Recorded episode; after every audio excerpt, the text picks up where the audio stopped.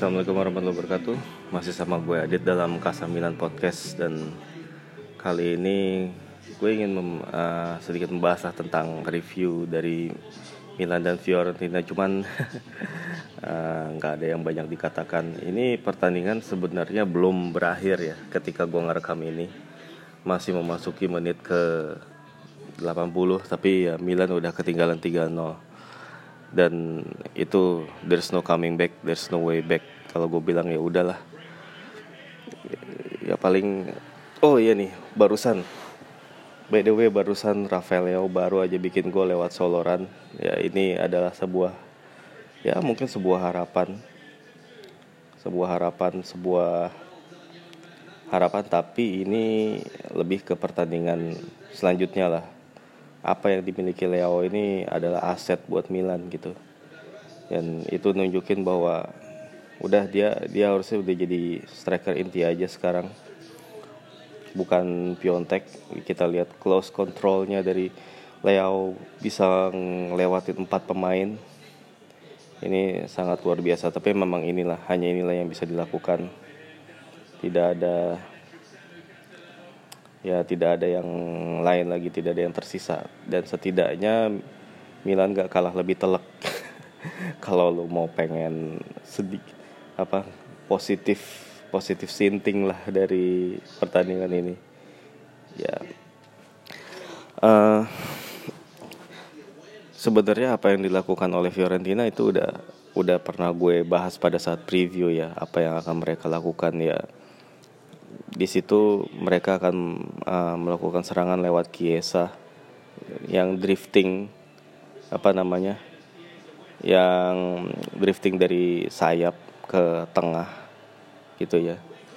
Dan apa namanya formasi tiga tiga lima dua yang di atas kertas dipakai sama apa sih Montella sedikit switch menjadi 361 ketika Kiesa itu nunggu bola dari pinggir gitu dari pinggir kanan dari sisi kanan serangan mereka lah.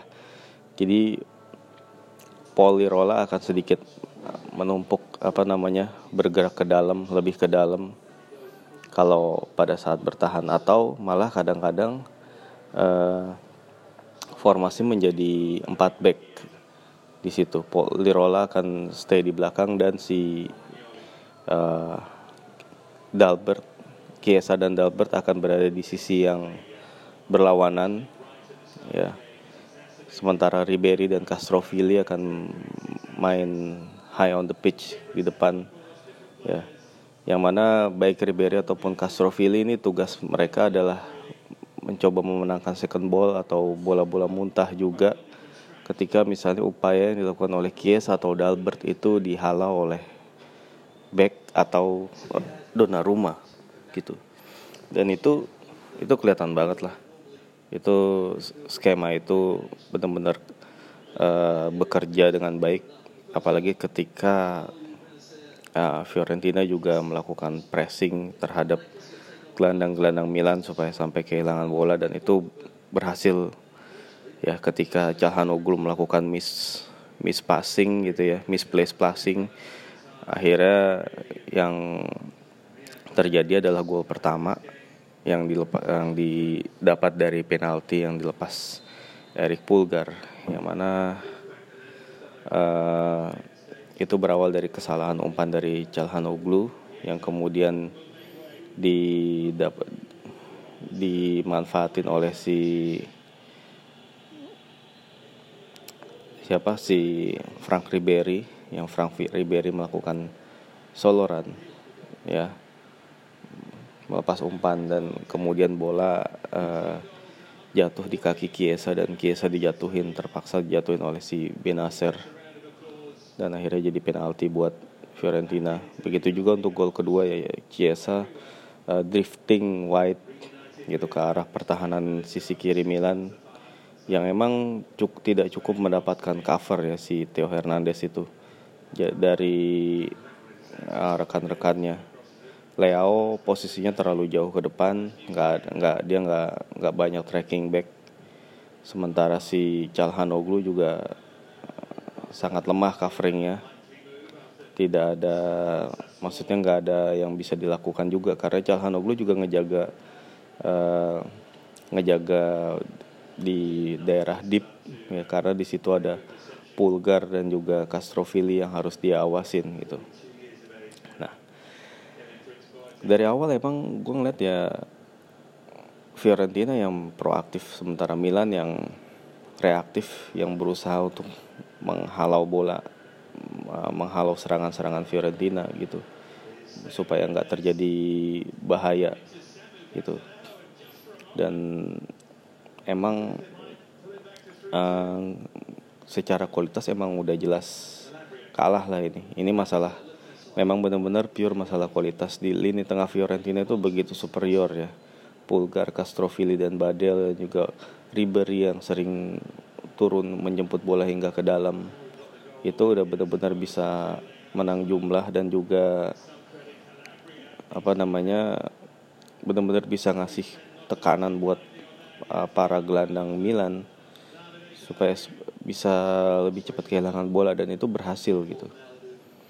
Dan uh, sebenarnya apa yang ditunjukin oleh gelandang-gelandang Milan seperti uh, Benacer terutama sih itu udah maksimal menurut gue udah maksimal dan nggak ada lagi yang maksudnya bisa dilakukan lebih dari ini gitu. Calhanoglu ya jelas dia menjadi uh, pihak yang apa bisa disalahin lah ya. Dua ada dua dua momen lah buat dia yang yang mana pada saat pertama yang dia salah passing yang kedua juga dia ada tuh. Membuat gol kedua yang dibuat oleh Castrovilli itu adalah salah dia karena bola direbut oleh Milenkovic dan habis itu Milenkovic nemu space dan pada saat itu Theo Hernandez sudah terlalu naik dia ngasih ke Chiesa. Chiesa udah menang lari dari Romagnoli dan Chiesa square langsung ke tengah di tepis Donnarumma dan Castrovilli langsung nyamber di situ ya. Emang uh, ini nggak banyak yang bisa dilakukan sih karena kalau kalau Milan mainnya terlalu narrow Kiesa itu bahaya terlalu bahaya banget nusuk gitu. Bahaya banget nusuk uh, ke dalam gitu. Kalau Milan tapi kalau Milan mainnya juga terlalu wide ya itu ada Castrovilli dan Ribery yang juga sangat-sangat berbahaya gitu. Ini agak dilematis juga buat Giampaolo sebenarnya buat uh, ngatur defense-nya dia. dia struggling banget lah. Belum lagi kalau di depan ya Suso masih seperti biasa one, one dimensional. Nggak ada yang bisa dia tawarkan lebih dari sekedar uh, cutting inside. Langsung ngumpan dan ya yeah, it's nothing new lah. Bisa dibilang gitu. Nggak ada nggak ada yang baru yang kita lihat. Yang ada malah Milan tuh bisa lebih suffer banyak kebobolan kalau seandainya Donnarumma nggak nepis penal penaltinya Chiesa. Dan Fiorentina bisa lebih tenang lagi di depan gawang gitu. Tapi uh, satu lagi juga catatan pada akhirnya Musakio eh, nggak uh, akan ada di starting eleven ya itu yang gue inginkan sebenarnya walaupun nggak nggak dengan cara seperti ini yaitu dia terkena kartu merah akibat reckless challenge uh, kepada Ribery yang padahal ini juga benar-benar pelanggaran bodoh lah kalau gue bilang. Maksudnya Ribery juga dalam nggak nggak dalam posisi mengancam itu masih jauh dari wilayah gitu. Ini benar-benar kayak nggak bukan pelanggaran yang penting lah gitu. Dan pada akhirnya emang eh, apa namanya bahkan penonton Milan ya ini saat gue saksiin nih penonton Milan memberikan standing ovation kepada Frank Ribery yang bikin gol ketiga. Tuh kita lihat standing ovation buat pemain lawan. Ini pertanda apa lagi nih?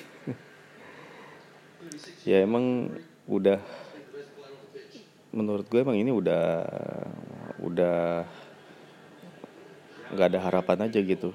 Emang dari sisi kualitas udah kalah dari sisi moral juga udah kalah.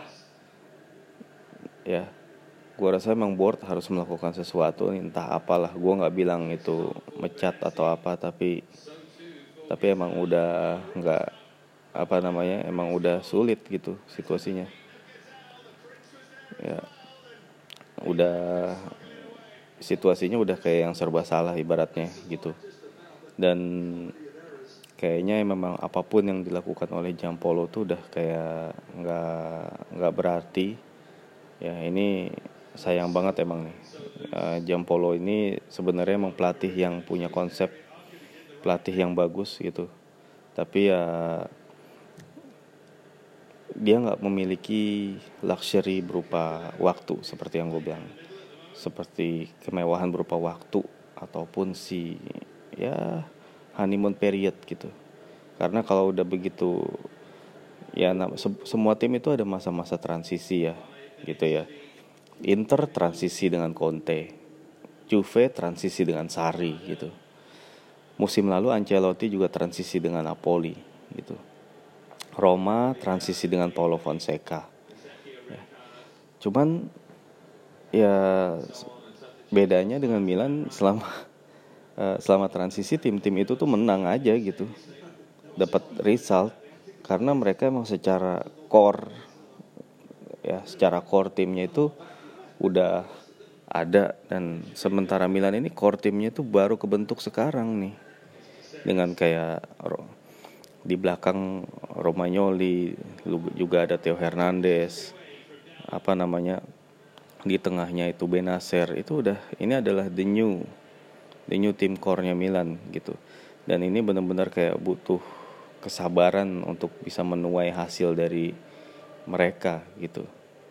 Dan inilah yang nggak dimiliki sementara target target empat besar empat besar empat besar gitu ya cuma emang nggak ada pemain yang bisa bikin pembeda seorang bintang gitu entah itu yang posisinya sebagai winger ataupun ataupun sebagai gelandang tengah.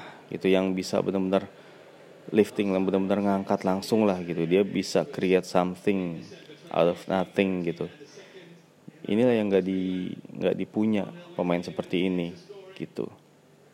Ya. Ya skuad muda. Bisa aja kemarin-kemarin Milan berbangga dengan average side apa uh, yang the youngest average uh, side gitu di Serie A. Tapi ya itu cuma numbers doang pada akhirnya ketika uh, things not going well di lapangan gitu.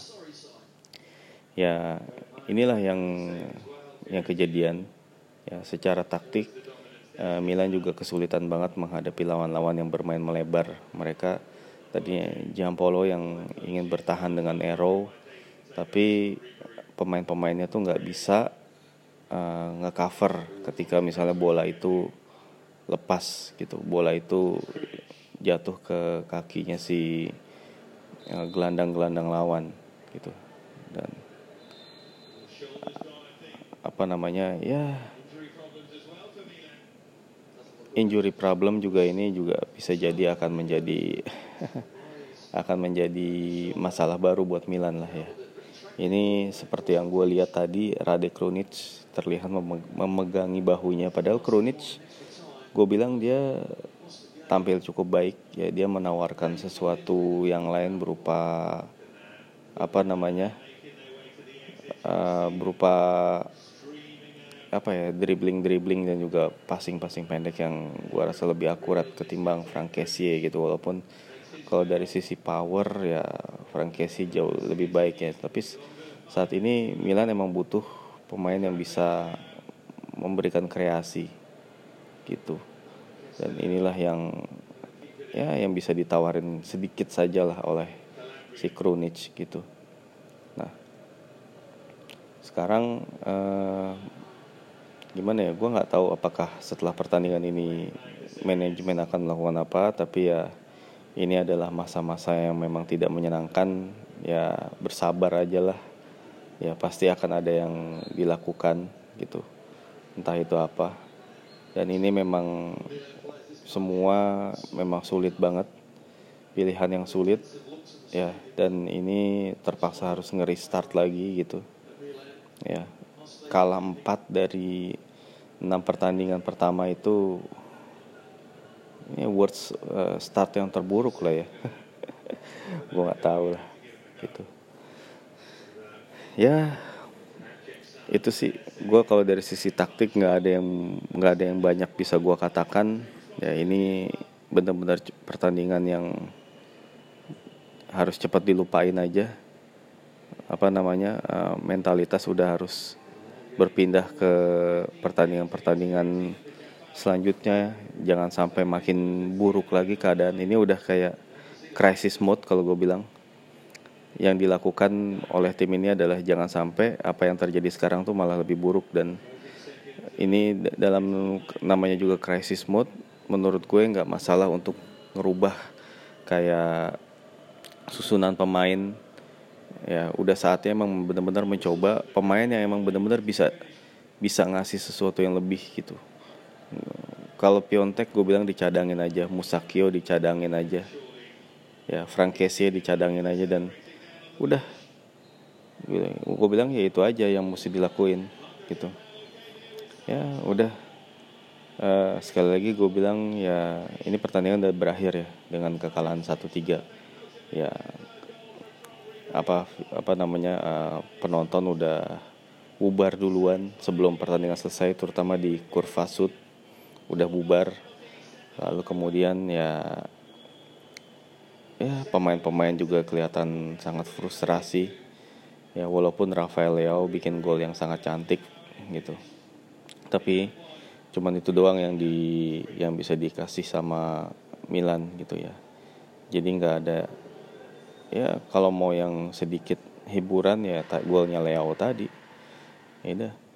Menurut gue sih ya itu nggak ada apa namanya hmm, dalam crisis mode kayak gini ya itulah do what you have to do gitu. Jangan sampai ini semakin buruk dan semakin membuat terpuruk gitu. Ya udahlah uh, sekali lagi sabar aja.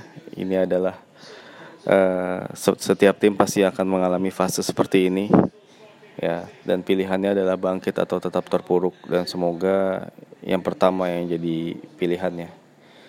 Oke deh kurang lebih gitu aja. Assalamualaikum warahmatullahi wabarakatuh